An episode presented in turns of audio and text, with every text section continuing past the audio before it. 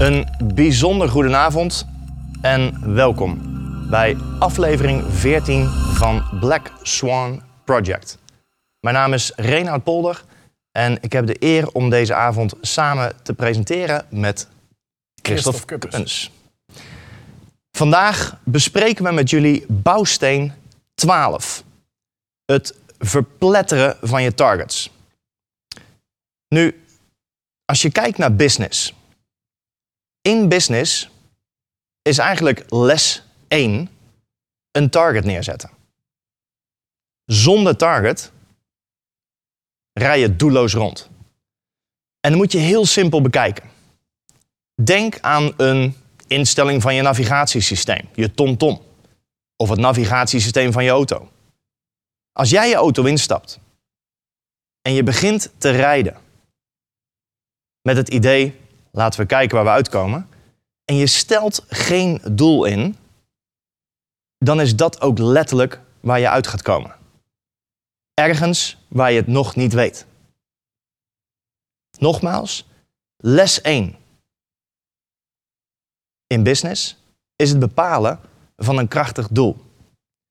Vandaag nemen we een aantal vrij simpele dingen met jullie door, maar die zijn niet altijd makkelijk om uit te voeren. Maar ik zal wel telkens terugkomen op de simpelheid waar we hiermee bezig zijn. Want zoals jullie weten, afgelopen woensdag heb ik met jullie doorgenomen hoe die simpelheid in één keer kan veranderen in ingewikkeldheid door die stem die ertussen komt. Zoals ik al zei, we gaan drie zaken doornemen en daar kom ik zo meteen nog verder op terug. Maar denk heel simpel.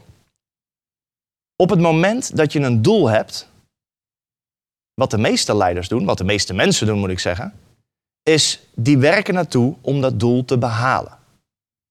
Die komen vanuit de positie waarin ze nu staan en werken toe naar dat doel. Het is een beetje hetzelfde als. Laat ik je verder terugnemen. Ik heb in mijn jeugd veel aan vechtsport gedaan. En in die tijd, bij veel vechtsporten, leerde je om iets door te slaan. Denk aan een houten plankje of een baksteen of zo. Op het moment dat je zo'n baksteen of zo'n houten plankje voor je hebt en je slaat erop met het idee dat je op het plankje slaat, dan zul je zien dat je je hand heel veel pijn doet, maar het plankje nog steeds heel is. Hoe komt dat? Wat mijn meester mij daar leerde, was op het moment dat je doel daadwerkelijk het doel is waar je op mikt, dan zul je het met wat minder problemen eigenlijk halen. Met wat minder effort zul je het halen. Je mikt op het plankje, je komt daarop uit, maar je neemt als het ware al wat kracht af, wat snelheid af, voordat je er bent. Jij doet jezelf pijn, het plankje is nog steeds heel. Dus wat we leerden daar was heel simpel. Mik verder dan het plankje. Laten we zeggen ongeveer een meter onder het plankje mikken. En zodra je met volle kracht dat als je doel neemt en je focus niet op het plankje, maar daar ver voorbij, dan zie je dat het plankje verpletterd wordt. Het verbrijzelt. En het grappige is, de hand doet nog minder pijn ook, want het heeft geen stop gehad, het ging volledig door. Vandaag zullen wij het hebben over het verpletteren van je targets. Waarbij een aantal dingen belangrijk gaan zijn. Laat ik je meenemen in de drie dingen waar we vandaag telkens naar terugcirkelen. Het eerste sta ik nu al bij bij stil. En dat is het creëren van een doel. En Christophe zal hier wat verder op uitweiden zometeen. In niet zomaar een doel, maar hoe zet je nou echt een doel waar je wat aan hebt? Het tweede gaat zijn het doen van de noodzakelijk vereiste acties. En als we een paar Black Swan Project meetings terugkijken of luisteren, dan heeft Simon daar uitgebreid bij stilgestaan. Het doen van de noodzakelijk vereiste acties. Het tweede punt. Het derde punt, en ook dit is al besproken in een meeting met Mandy en Johan, die ook met z'n tweeën zaten, is de juiste inner stance die het sowieso al mogelijk maakt om de benodigde acties te kunnen doen om die doelen te verpletteren die je voor je ziet. Die drie punten zijn niet zozeer een volgorde waarin je ze wil uitvoeren, maar het zijn drie punten die niet losstaan van elkaar. Ze hebben elkaar nodig. In het leven, in business, om de dingen te kunnen doen die je echt wil doen.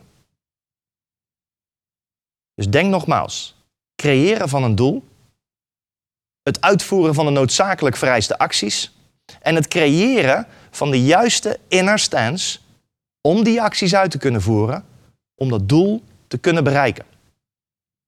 Je zou kunnen zeggen, de inner stance van iemand die hard to kill is. Iemand die niet uit het veld te slaan is, die doorgaat waar het moeilijk wordt.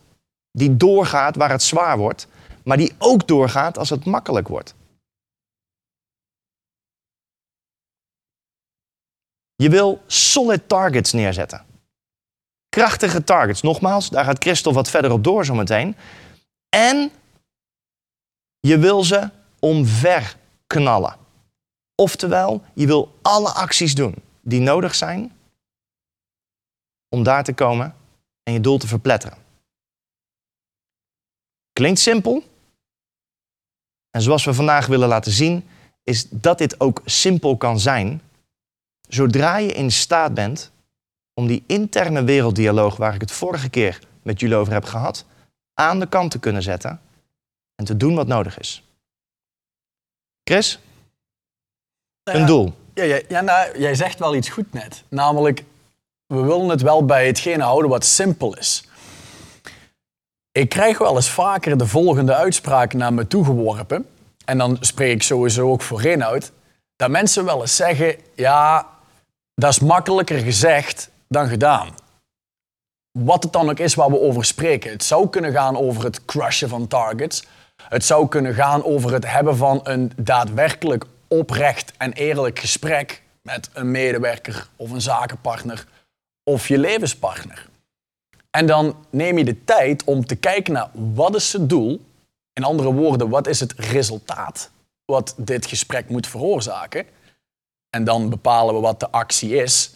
En van daaruit, en dit is vaak het missende onderdeel, creëer je jezelf als iemand die je moet zijn om ook daadwerkelijk dat gesprek te hebben. Of dat doel af te vinken. En dan krijg je van die mensen die uiteindelijk uit zijn op, ja, het moet wel gemakkelijk zijn. En dat hoor je al in het spreken van mensen. Mensen die op zoek zijn naar een hele simpele tip of zeg mij nu eens gewoon wat ik moet doen, dan doe ik het wel. En je zou kunnen stellen, in het spreken van iemand zit wie iemand is. Dus wanneer je iets neerlegt, hoe je zo'n gesprek dient te doen, of wat de acties zijn die er moeten gebeuren, en iemand komt vanuit de positie, ja ja, makkelijker gezegd dan gedaan, dan weet je al, oké, de positie, de inner stance waar iemand vandaan komt, nou, waarschijnlijk gaat hem dit niet worden. Of iemand zal het misschien wel inzetten, maar ik ga hem bij zijn handje moeten vasthouden. En gekeken naar dat ding met iemand bij zijn handje vasthouden als het gaat om een doel te behalen, dan wil ik eerst beginnen met de basis uiteen te zetten. En dat is überhaupt een doel versus een commitment. En we hebben nu natuurlijk al een paar keer vragen gekregen van mensen die daadwerkelijk het boek zijn gaan lezen. En dan komen we wel eens wat meer vragen tegen die ingaan op. Jullie spreken vrij veel over commitment. Dat is een woord wat we niet heel vaak gebruiken. Wij wel, met de mensen die de vraag stellen. Want zij spreken allemaal over doelen. Doelen, doelen, doelen. En als we gaan kijken wat nu precies het verschil is in hoe wij dit benaderen. Je hebt een commitment. Wat niks meer en niks minder is als dat waar de wereld op kan rekenen. Je zou kunnen zeggen, een commitment is de positie vanuit waar je handelt. En afhankelijk van wat de business is die dat je runt of hoe groot je bedrijf is, ik plak er een fictief cijfer op.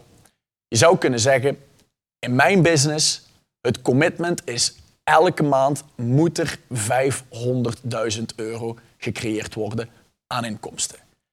Dat is het commitment, daar gaan we niet onder wat er ook gebeurt.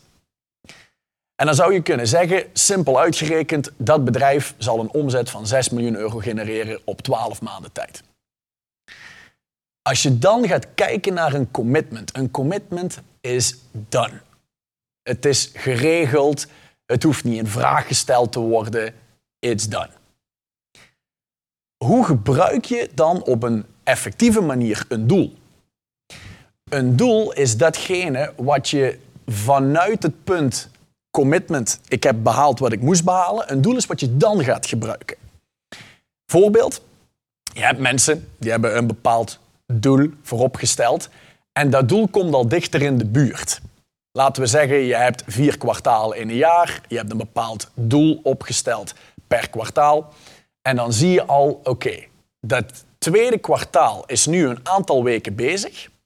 En we lopen bijvoorbeeld al ruim voor op dat doel. Wat gebeurt er? Dan zijn mensen, en dat gebeurt vrij natuurlijk vaak, want we hebben alles gesproken over onze interne werelddialoog, dan komt er zo'n interne werelddialoog op. Hetzelfde als bij die mensen die zeggen, ah, makkelijker gezegd dan gedaan, zou er ook een interne werelddialoog op kunnen komen bij mensen vanuit, ah, ik heb nog tijd zat. Dit ga ik wel regelen, ik kom wel op tijd met dit doel, gewoon op de proppen, dit is geregeld. En wat doen we dan? Dan, je zou kunnen zeggen, begint onze scherpe rand wat minder scherp te worden.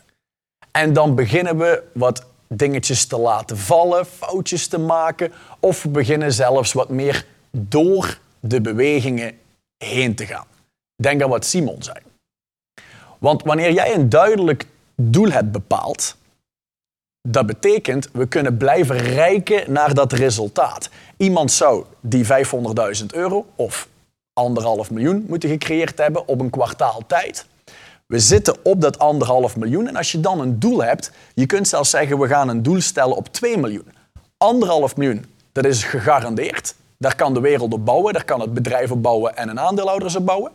En vanuit daar hebben we er nog eens 500.000 euro bovenop gedaan. Dus we blijven rijken. Dus dan kom je op dat anderhalf miljoen uit. En in plaats van dat je zo'n interne werelddialoog hebt, die het begint te winnen van bepaalde medewerkers, niet van jou, niet van de ondernemer, maar van de rest van de mensen, dan heb je die 2 miljoen, daar blijf je naartoe reachen. En wat dat doet, is het zorgt ervoor dat je jezelf kunt blijven vooruitduwen. En dan is het omdat je je eigen urgentie creëert. Niet omdat het opgelegd wordt van buitenaf, of omdat de corona ervoor zorgt dat je in één keer jezelf vooruit pusht. Nee, het is een intrinsiek gecreëerde urgentie. En het is een wereld van verschil als je mensen ziet handelen vanuit dit is een commitment, dit is done. Die weten precies waar ze ja op zeggen. En bovenal, een stuk belangrijker als je het mij vraagt, die weten precies ook waar ze nee op zeggen.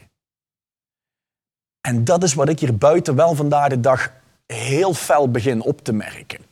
Je hebt twee typen mensen.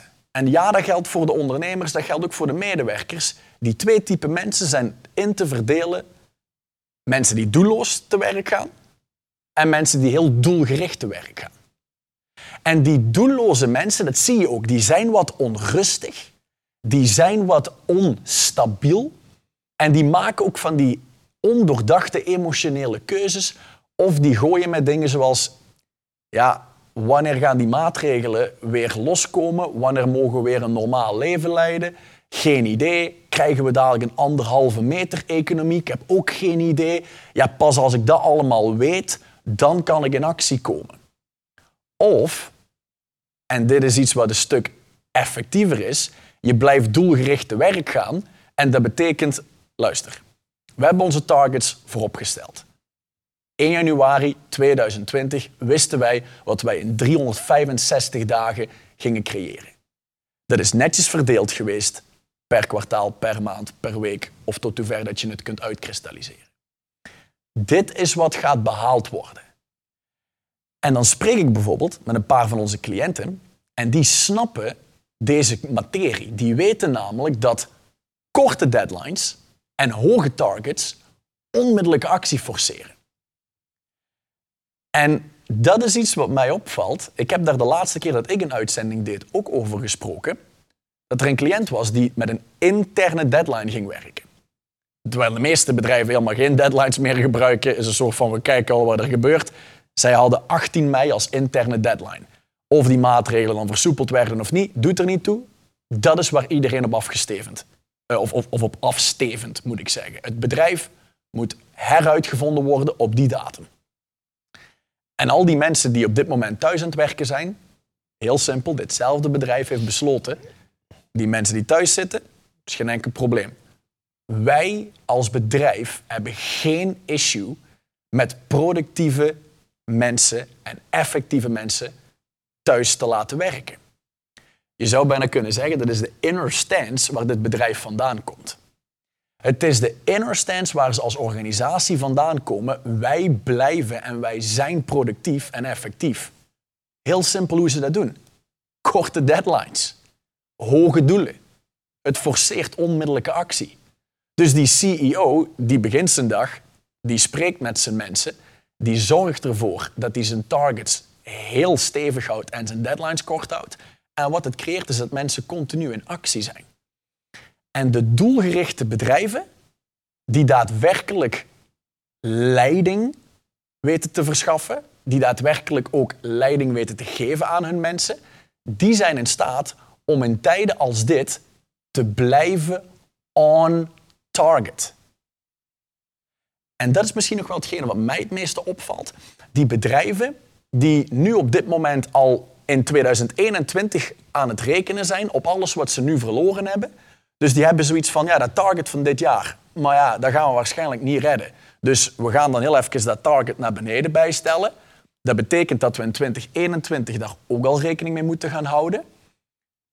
Met dit soort nonsens gebeurt wanneer je niet stabiel bent en wanneer je geen duidelijke targets hebt gesteld.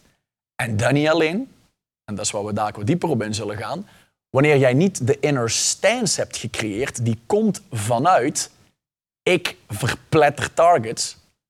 Je zou bijna kunnen zeggen, ik eh, channel mijn interne Trump, die gewoon zonder nadenken bijna door blijft rammen. Maar de vraag die je jezelf wilt stellen is, ik heb mijn mooie plannen, ik heb mijn doelen.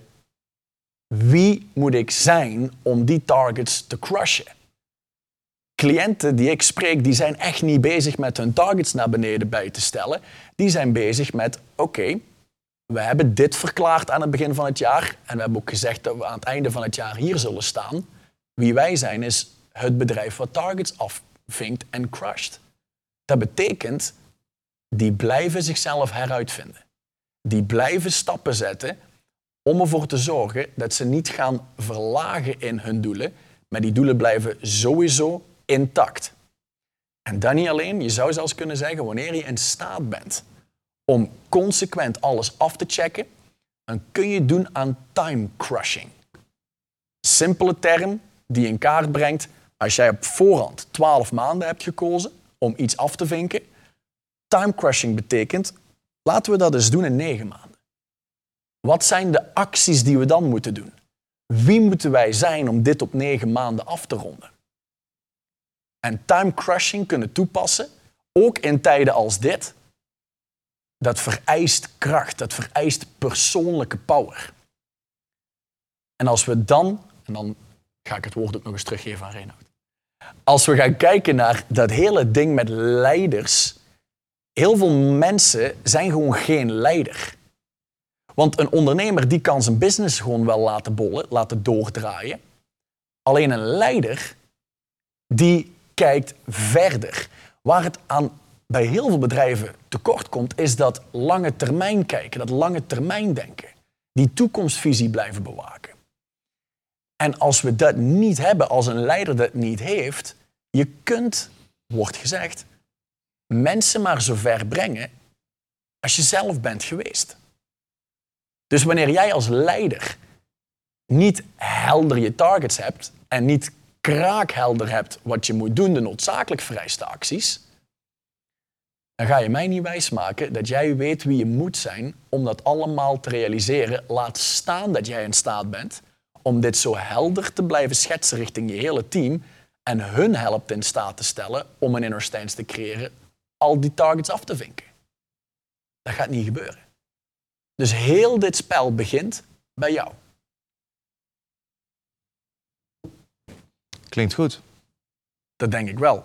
Alleen los daarvan, hoe goed het ook klinkt, eigenlijk maakt het niet eens uit. Want sterker nog, ik weet niet of we dit al eens een keer hebben gezegd, maar wat Reinoud en ik delen, is niet belangrijk. Wat wij nu bespreken, is in C niet belangrijk. Wat jij gaat doen na deze call of na deze opname die je terugluistert, daar zit de belangrijkheid. Ja, en wat ik vaak merk bij veel bedrijven, bij veel mensen, ehm, is dat ze iets nodig hebben om in actie te komen. Ja. Weet je wel, je kent de spreekwoordelijke stok achter de deur, schop onder je kont. Ehm, ik weet niet of jij er nog eentje kent. Ik, nee, nee, ik heb geen idee. Volgens mij heb je al genoeg gezegd. Het is, het is toch onnuttig namelijk, dus wat maakt dat uit? Maar dat is eigenlijk urgentie creëren van buitenaf. Het is de urgentie creëren, er moet iets gebeuren en dan komen we in actie. We zien het op dit moment veel bij bedrijven die door de corona, door de coronatijd, in één keer in staat zijn om een bedrijf anders uit te vinden. En waar we dan de vraag stellen, stel dat je dit had gedaan, maar dan een paar jaar geleden, zonder de coronacrisis, wat had dat je op dit moment kunnen opleveren? En meestal is dat niet alleen een hele hoop geld, maar een hoop tijd en vaak een hele hoop meer rust of energie. Dus waar we naar kijken is jij die in staat is om zonder externe druk jezelf ook op die manier te kunnen creëren. Christophe sprak net over een commitment. En je zou kunnen zeggen, een echt commitment kun je testen. Ga het. Namelijk, stel ik geef, uh, of Christophe geeft mij een commitment af. Namelijk, wij spreken af om een bepaalde tijd ergens te zijn. Laten we zeggen, morgen, 12 uur s middags, zijn wij in Antwerpen. Dan ga ik op de grens niet over, maar goed, dat terzijde. dat terzijde. Dan zou een commitment dit zijn. Ben ik bereid of is Christophe bereid iets op het spel te zetten? Dus dat zou zijn, als we dat niet zouden doen, als we er niet zouden zijn, zijn we dan bereid om er iets voor op te geven? Of een geldbedrag te doneren aan een goed doel? En het mooie is, als ik dit doorneem met cliënten, dan is hun eerste reactie waarschijnlijk hetzelfde als wat jij nu ervaart. Waarom zou ik dat doen? Waarom zou ik iets van geld doneren als ik mijn target niet haal? Dan de zonde van mijn geld. Maar de reden alleen al dat ze het een optie geven dat het geld daadwerkelijk gedoneerd zou moeten worden, geeft mij al aan dat er niet sprake is van een echt commitment. Want op het moment dat ik Christophe zou vragen iets te doen en die zegt tegen mij: Reinhoud, dit is een echt commitment. En ik zeg tegen hem: Oké, Chris, dat is duidelijk. Ben je bereid om daar 10.000 euro voor op het spel te zetten. Dan zou hij zeggen, Reinhard, al maak je er 100.000 euro van, I don't care, want dit is een commitment. Dit is done. Je zou kunnen zeggen, dat is een goede test voor jezelf om te kijken hoe diep is het level van mijn commitment. Is dit een echt commitment? Of heb ik nog een achterdeur openstaan waar ik er vanaf wil? Een commitment is een positie waar je vandaan komt terwijl je de dingen doet die je doet. Nu, denk aan, uh, denk aan het volgende. Je bouwt een huis. En als je een huis bouwt, wat de meeste van jullie waarschijnlijk wel weten, is dat heeft een sterk fundament nodig.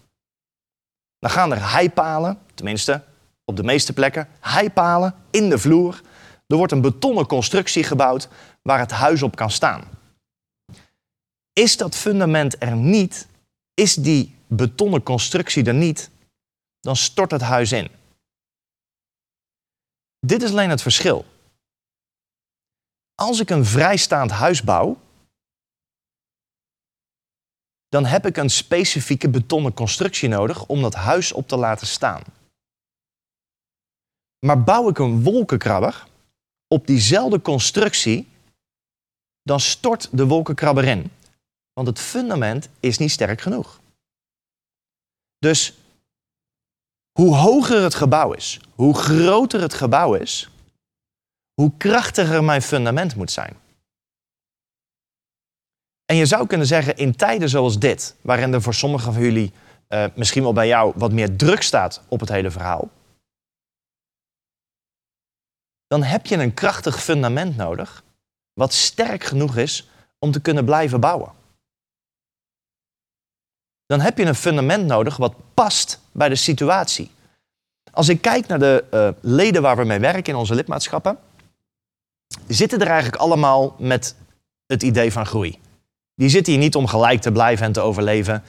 Die zitten in onze lidmaatschap omdat ze zien, ik wil sneller en ik wil meer.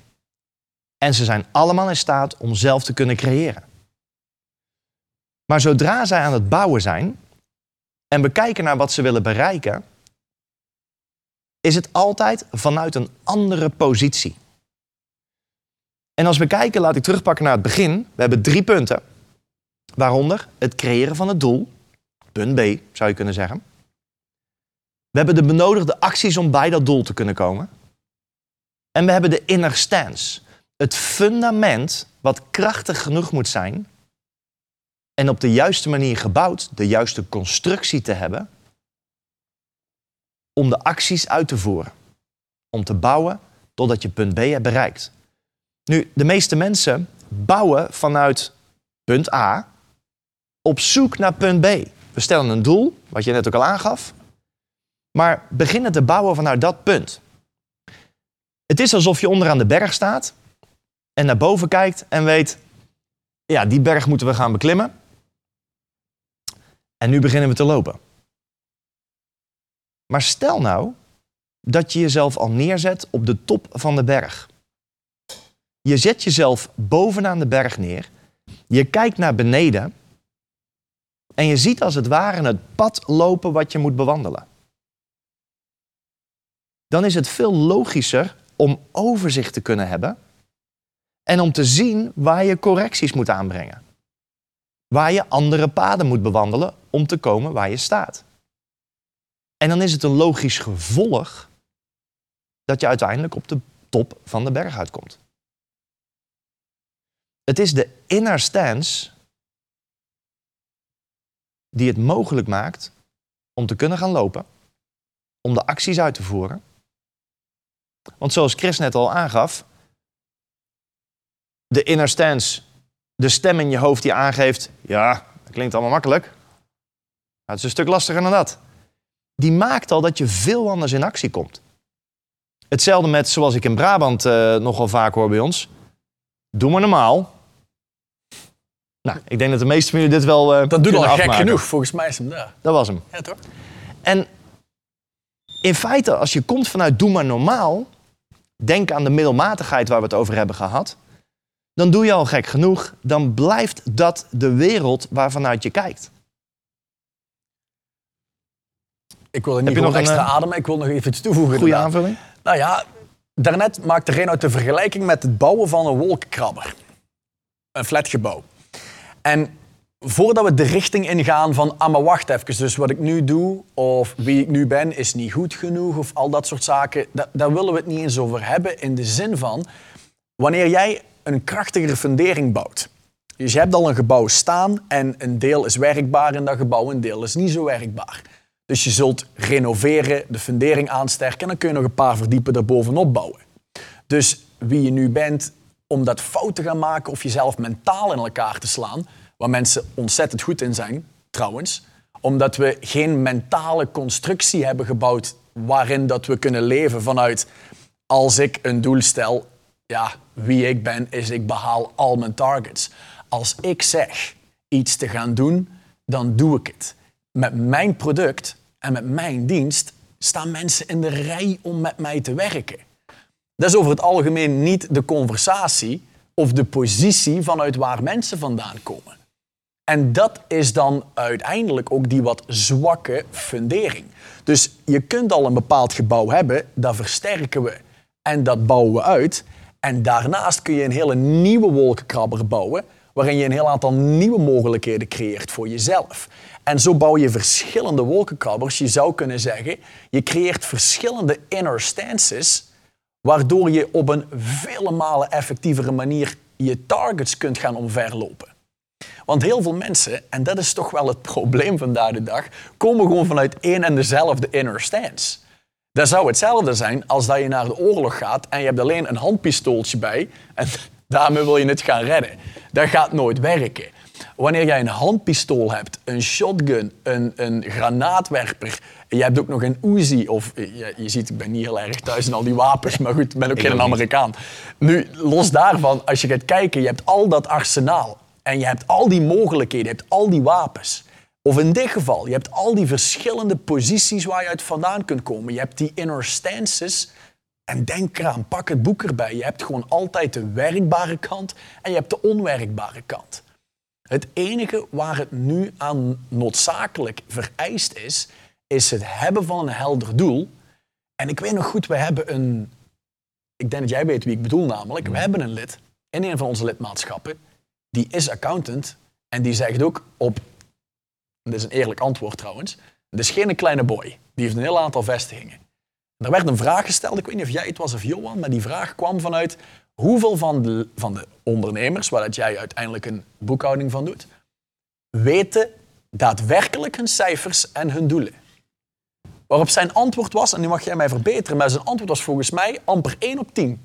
Ja, 10%, klopt. Ja, 10%, 10 van de ondernemingen en de ondernemers waar hij mee zit, zijn gewoon alleen die zijn op de hoogte. Al die andere 90% hebben geen idee. En dat brengt mij nu op dit moment in de sessie van vanavond op een oefening die ik je wil meegeven. En het is een hele simpele oefening als je het mij vraagt. En laten we beginnen bij het begin. Je hebt op 1 januari is je jaar gestart. Je hebt, nou, als het goed is heb je daarvoor al bepaald wat je targets zijn, maar je hebt je nieuwe jaar afgetrapt. Wat is hetgene wat jij hebt vooropgesteld om in 2020 te realiseren? Dat heb je, als het goed is, allemaal kraakhelder. En als je nu gaat kijken, je hebt het eerste kwartaal erop zitten. Normaal gezien heb je je cijfers nu al helder, hè, want je hebt je boekhouding ingediend. Dat is allemaal netjes afgeleverd bij de boekhouder. Dat is drie dagen daar blijven liggen, hè, zodat het allemaal kon, eh, wat is het, in quarantaine geplaatst worden, die documenten. Maar vanuit daar kan de boekhouder ermee aan de slag gaan. Maar dan ga je hier kijken naar, oké, waar staan we nu daadwerkelijk? Ik, ik ben überhaupt gewoon nieuwsgierig of mensen dat helder hebben. Want gekeken naar wat onze Mhm. cliënt zegt, dan ben ik gewoon heel nieuwsgierig naar wie die nu hier aan het kijken is of dit aan het terugluisteren is, ook daadwerkelijk die cijfers helder heeft. Dus daar begint het bij. Schrijf eens op, wat was op 1 januari je target? Je target, dat kwam er heel chic uit. En ehm, waar was alles op ingericht? En wat heb je tot nu toe afgecheckt in het eerste kwartaal? Dat is de eerste oefening. Ga daar eens naar kijken. Neem eens de tijd om daar eens gewoon bij stil te staan. Niet zomaar te rushen en te rushen, maar om daarbij op stil te staan. Zit je op schema? En wat moet er nog allemaal gebeuren? En dat brengt me dan bij het volgende, namelijk je hebt nog drie kwartalen die nu komen gaan. En die drie kwartalen die nu komen gaan, wat gaat er intern allemaal los? Wat hoor je allemaal of wat ervaar je? Denk aan de sessie met Mandy. Je hoeft het allemaal niet uit te vogelen, maar ervaar je interne werelddialogen over de komende drie kwartalen. Ervaar nu eens de redenen of de excuses of de twijfels of dat wat er ook maar ontstaat intern in je interne wereld.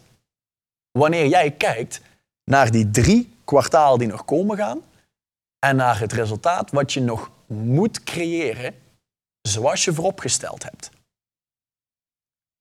Dat is de opdracht. Basic, zoals Reinhard beloofd had. Maar doe de oefening en ga kijken naar wat speelt er intern allemaal. En Reinhard gaf net aan, wij in coachtermen noemen dat een flush-out. Dus je laat iemand een commitment maken. Je laat iemand daar iets tegenover zetten. En als iemand bijvoorbeeld zegt, ja, maar ja, 5000 euro op het spel zetten voor dat target, ja, ik weet het allemaal niet, klunk, die loopt vast. Dat noem je dus een flush-out. Je perst de waarheid eruit. En dan in één keer zie je waar iemand wel toe bereid is en waar iemand niet toe bereid is. En hetzelfde geldt voor dit hier. Als jij in één keer gaat kijken naar jouw targets en in één keer hoor je allerlei dingen opkomen, allerlei twijfels of angsten of de excuses van ja, maar door corona gaat het mij niet lukken. Of ja, maar de overheid moet me eerst zekerheid geven. Of ja, maar dit, ja, maar dat. Merk gewoon eens op wat er allemaal speelt. En als je het mij vraagt, stel jezelf dan is de volgende vraag. Wie zou ik kunnen zijn als ik met al die angsten, al die twijfels daadwerkelijk doe wat ik gezegd had te gaan doen? Welke mogelijkheden openen er zich wanneer jij komt vanuit de positie, dit is een commitment. Dit wat ik aan het begin van het jaar voorop heb gesteld, is done. En ik weet, je zult voor je persoonlijke doelen alles wel misschien helder hebben. En dan is de vraag, los van dat jij heel erg wint, haal dat vergrootglas eens van jezelf af en trek het eens omhoog. Met andere woorden, wat valt er nog allemaal in die scope? Wie zijn levens gaan er allemaal wel bij varen dat jij die targets afvinkt? Een heel aantal ondernemers waar ik mee spreek, die hebben een aantal honderden en sommige duizenden mensen. En als die gewoon kijken en het vergrootglas naar boven tillen, die zien hoeveel impact het gaat maken wanneer ze daadwerkelijk inzetten op de initiële targets te crushen. Dat is waar je naar wilt kijken. Hoe zou je leven eruit zien als je met al die angsten en al die twijfels gewoon daadwerkelijk je targets afvinkt? en doet wat je moet doen? Krachtige vraag. Klinkt goed nog steeds. Um, en, en om dat terug te brengen naar de simpelheid, waar we continu naar terug refereren, zijn er drie punten. En dat is waar Christophe nu uitgebreid bij stilstaat, is de doelen die je moet stellen, die je met jezelf hebt afgesproken. Denk aan de opdracht. En vanuit daaruit ben je in staat om jezelf te creëren Wees een leider is in ieder geval in staat om eerlijk te kijken naar zichzelf en te zien wie moet ik zijn in deze situatie, wie moet ik sowieso zijn, om dit te blijven doen. Je zou kunnen zeggen te herinstalleren, elke keer weer opnieuw. Ja, maar Reinhoud, ik heb vorige week mezelf uh, neergezet als een krachtig persoon. Oké, en hoe vaak heb je dat in de loop van de week nog meer gedaan? Want dit is een continu proces. Mocht je nieuw zijn in deze conversatie, wat velen van jullie zijn, dan zeg ik bij deze: zorg dat je elke dag een aantal keer dit opnieuw oproept bij jezelf. Wie moet ik zijn?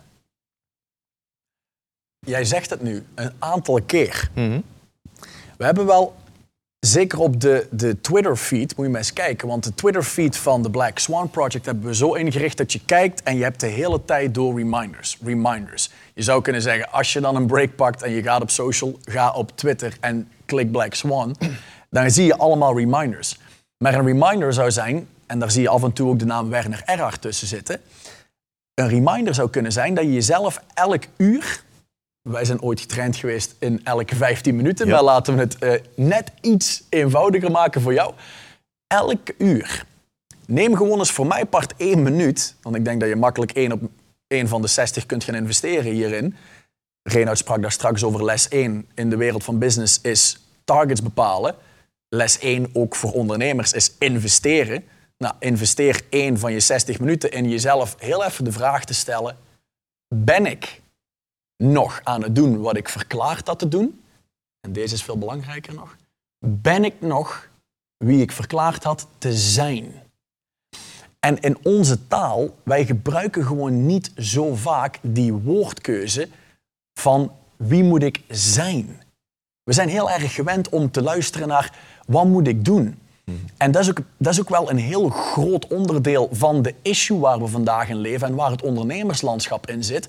Zoveel ondernemers die uiteindelijk hopen dat er iets gezegd wordt wat ze dan moeten uitvoeren.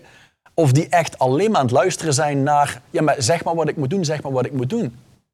Terwijl wanneer jij de shift maakt en helemaal denkt voor jezelf, dan ben je gecommitteerd aan de vraag. En gecommitteerd zijn aan de vraag creëert zoveel meer mogelijkheden. Terwijl als jij gecommitteerd bent aan een antwoord, dan wil je één antwoord. En dan moet het wel het juiste antwoord zijn. Stel dat het het verkeerde antwoord is. Hetzelfde als een keuze maken. Ja, maar ik wil nu geen keuze maken. Stel, het is de verkeerde keuze. En ze willen maar één keuze.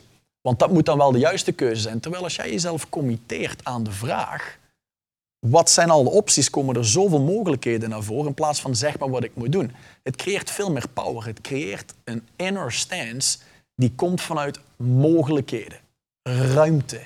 Je bent tot veel meer in staat. Diep, Christophe. Diep. Diep. En uh, als we hier uh, weer simpel naar kijken... Dit ziet dan... er ook raar uit volgens mij, maar dat maakt niet uit. ik was water aan het pakken. Als we hier simpel naar kijken, net zoals het pakken van water... dan is het uh, op deze manier. Kijk weer naar het bouwen van de wolkenkrabbers... waar we uitgebreid bij hebben stilgestaan. Het is een goede metafoor om hier telkens naar terug te refereren.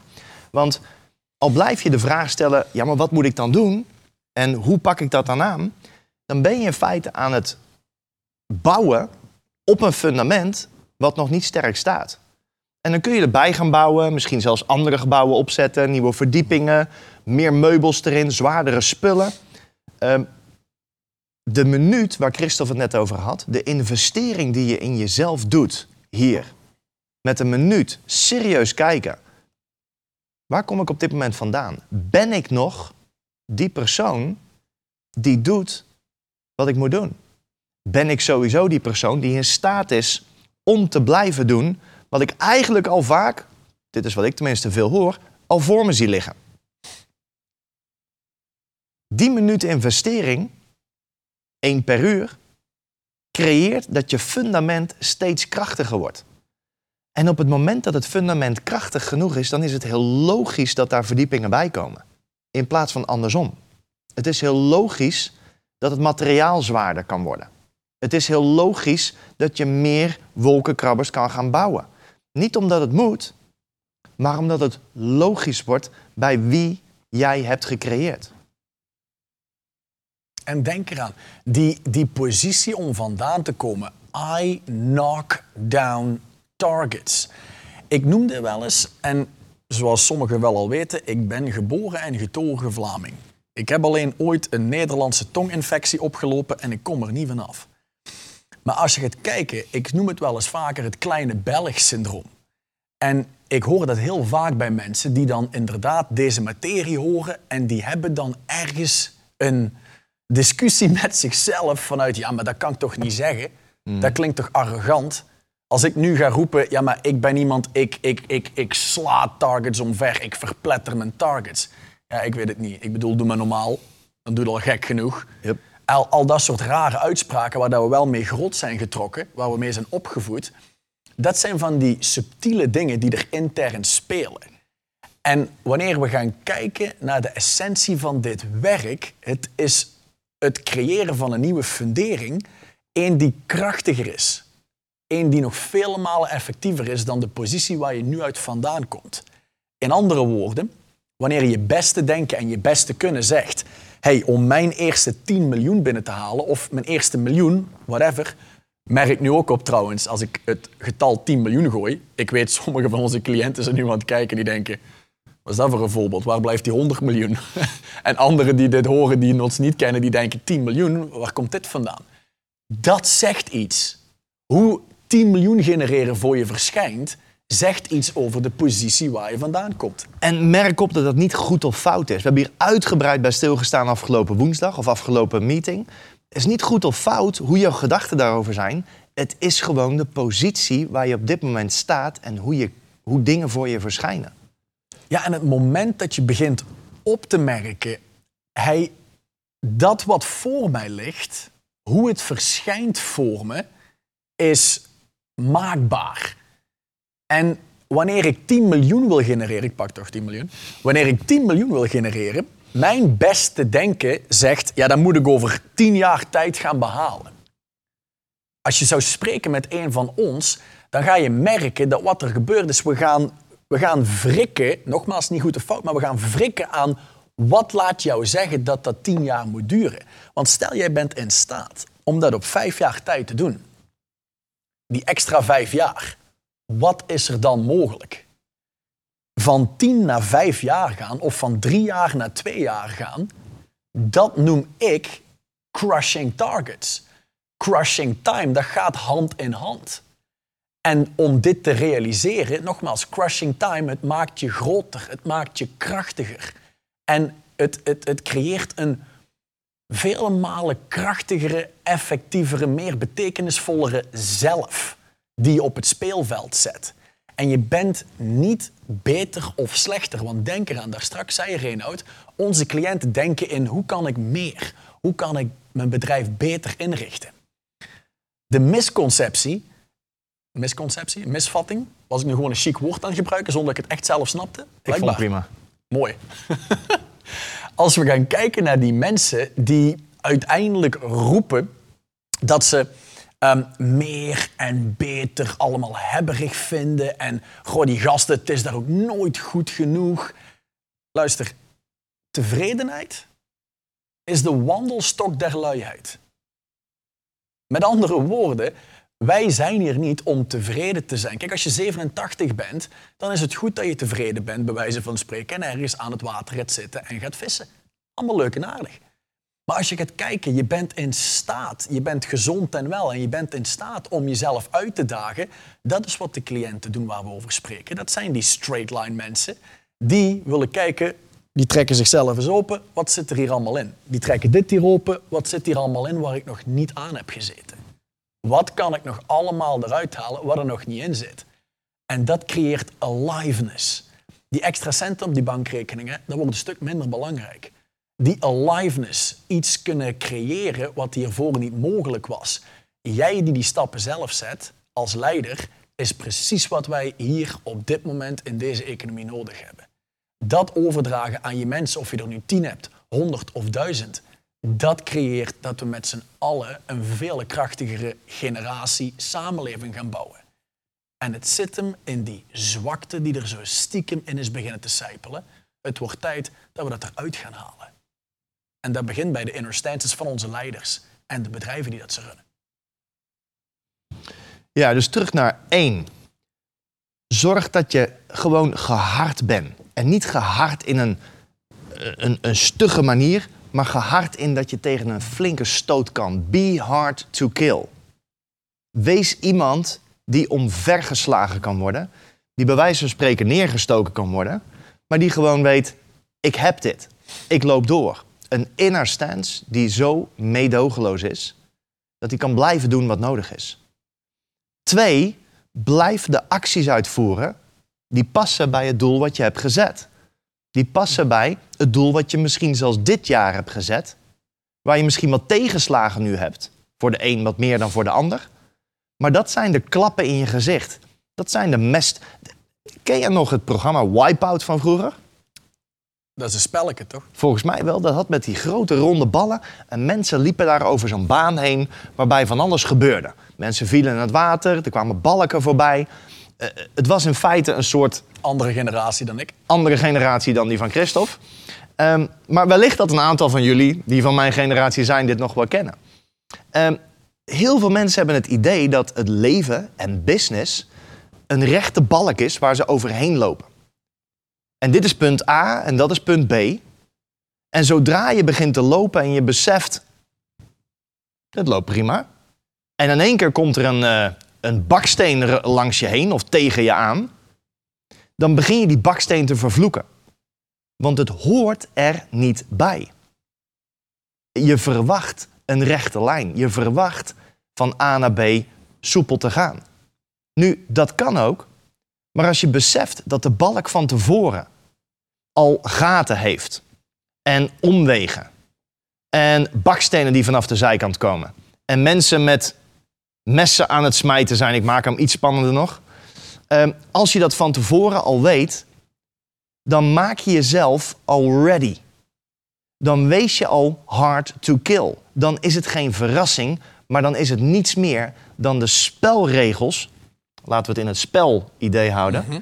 Dan is het niks meer dan de spelregels die passen bij business. Dus nogmaals, 1. Be hard to kill en verwacht dat er situaties zijn die je omver gaan halen. Denk aan 2008, de bankencrisis. Denk aan 2020, corona. Denk aan 2032, I don't know, maar er zal vast wel weer iets nieuws komen. Al is het klein in je omgeving, of al is het groot en raakt het de hele wereld. Maar er zitten gaten in de weg en zodra je denkt dat ze er niet zijn, dan wordt het leven een stuk zwaarder. Maar een leider creëert zichzelf als iemand die ruimte heeft en weet dat er iets op hem af kan komen. De inner stance creëert die door kan blijven gaan. Het tweede doet namelijk de acties uitvoert die hij moet doen, om nummer drie het doel te bereiken wat hij heeft gesteld. En ik denk dat we dan aardig rond zijn. Dat denk ik wel. De opdracht van daar straks, pak er die bij, pak die ter harte en merk gewoon op wanneer jij kijkt naar die drie komende kwartalen en al naar 2021, wat doet jouw interne wereld?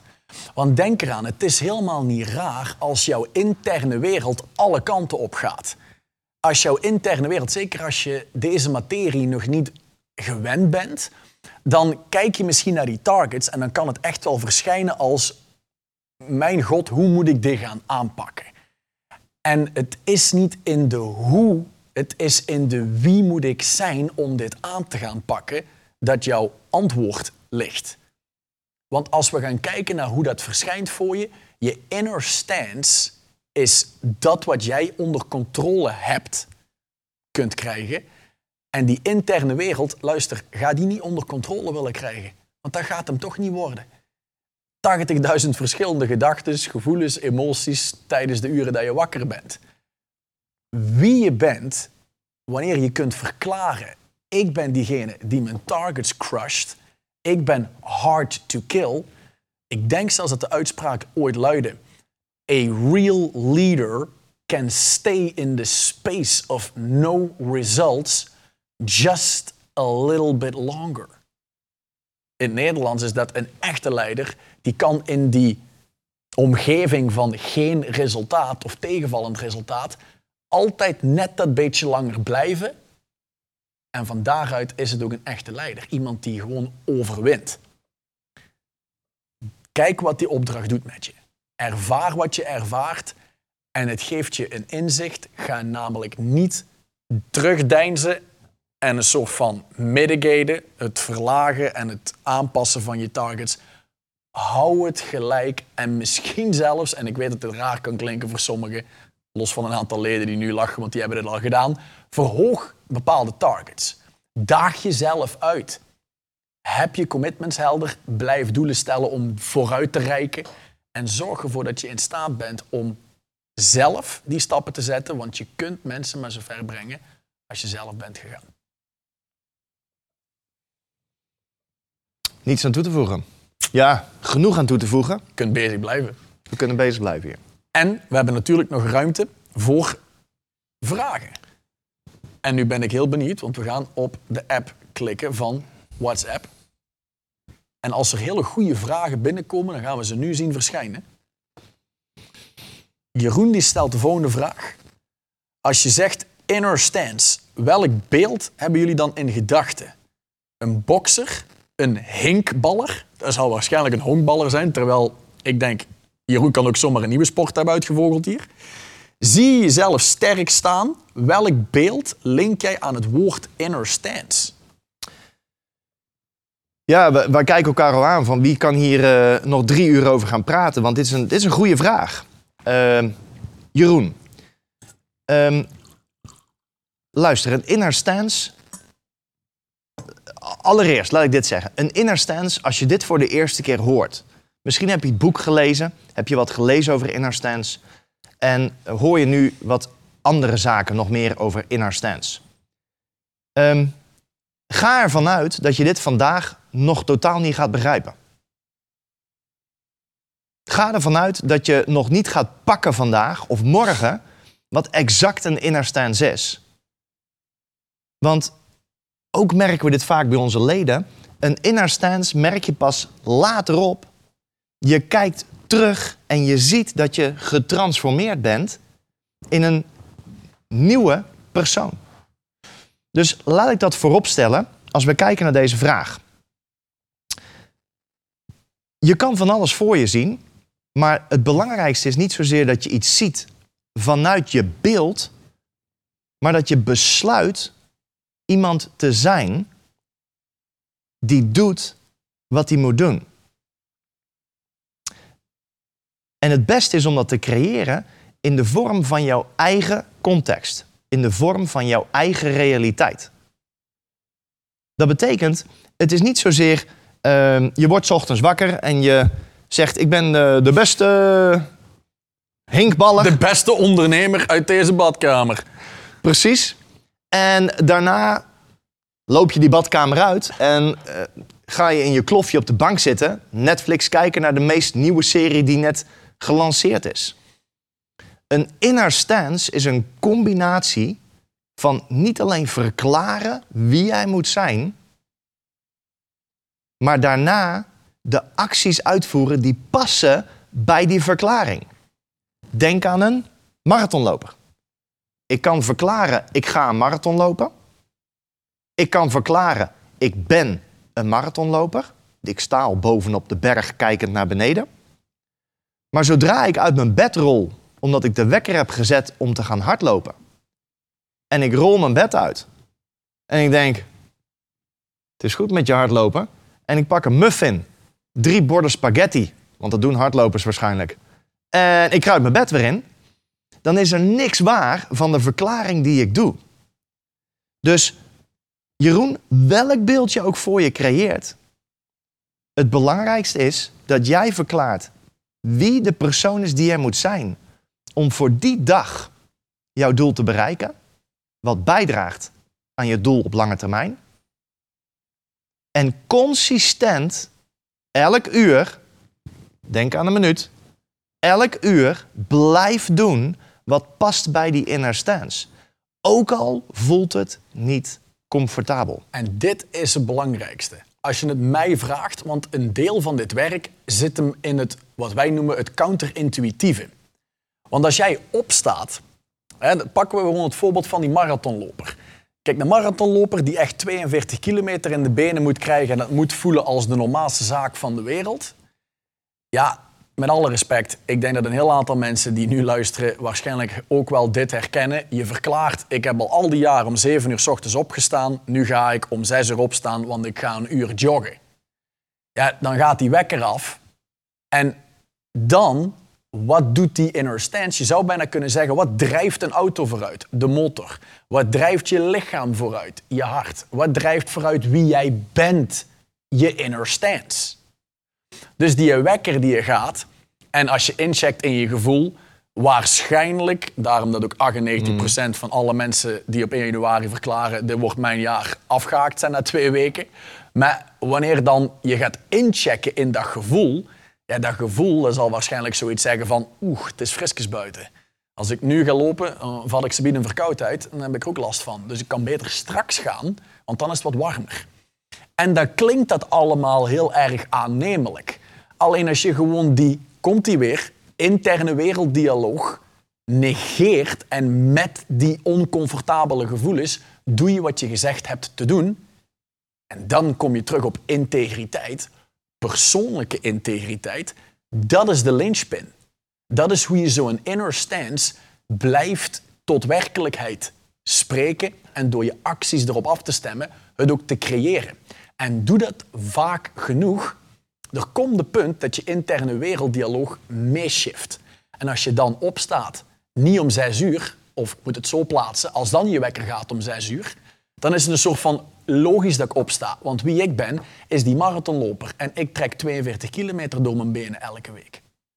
Dus het is, die, het is niks wat je nu moet gaan uitvogelen of wat je mentaal moet creëren, want het is geen mentale constructie. Het is een fysieke constructie die je tot werkelijkheid spreekt en de acties matcht met dat wat jij verklaart. En dan ga je zien dat wie jij bent, wordt door de wereld bewogen door je inner stance. En wanneer je die met dit wat we doornemen en alles wat je vooral hebt gekregen, bewust creëert, dus niet onbewust, maar bewust creëert, heb je een hele andere ervaring met de realiteit. Heb je een hele andere ervaring met de resultaten die jij weet te creëren in je realiteit. Inderdaad. En ik denk dat we hem daarmee moeten gaan afsluiten. Want ik zie dat het alweer eh 9 uur is. Jezus. Ja, zet Chris en mij naast elkaar en we kunnen tot eh 12 uur s'nachts doorgaan. Maar bij deze zullen wij eh, de veertiende aflevering van Black Swan Project gaan afsluiten.